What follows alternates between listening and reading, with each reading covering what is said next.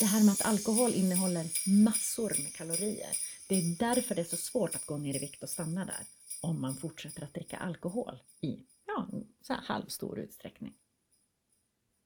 Både och. Alltså det här är en, både en viktmyt och ändå inte.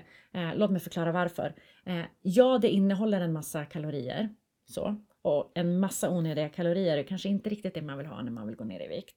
Men alkoholen har en massa andra funktioner i kroppen som också blockerar, inhiberar viktnedgång. Mm. Eh, Hej, det är jag som är Camilla på Viktdoktorn och fram till jul kör vi lite så julkalender hos oss där vi går igenom massa tips och råd för just viktminskning.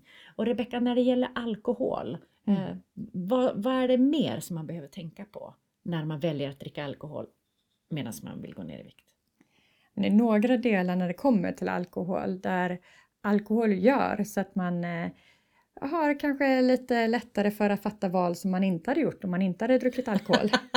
så, eh, du menar att man tappar hämningen lite grann? Ja. ja.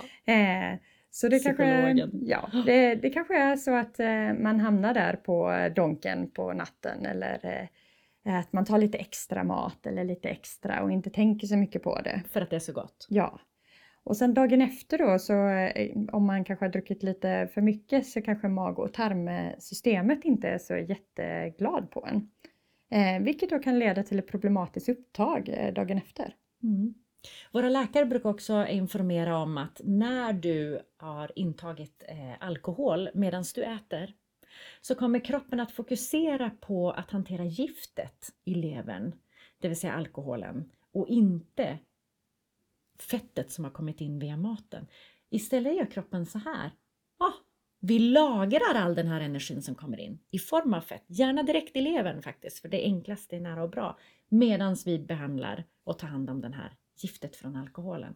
Så om du vet med dig att det här med att eh, dricka alkohol under längre middagar med stort eh, födointag, det är kanske inte riktigt kompatibelt med din sista viktresa, åtminstone inte varje dag i veckan. Nej. Nej. Tyckte du att det är lite intressant att få de här mer djuplodande insikterna och tipsen och råden om just viktminskning baserat på forskning, för det är det vi gör på Viktdoktorn. Gå in på viktdoktorn.se, skriv upp det på vår lista så missar du ingenting för då mejlar vi dig varje morgon. Och där ser du också de andra avsnitten vi redan har spelat in, plus våran podd. Där finns det massor, massor om du är en sån som gillar sånt. Och eh, vi ses imorgon igen. Mm. Mm, om du vill. Hejdå!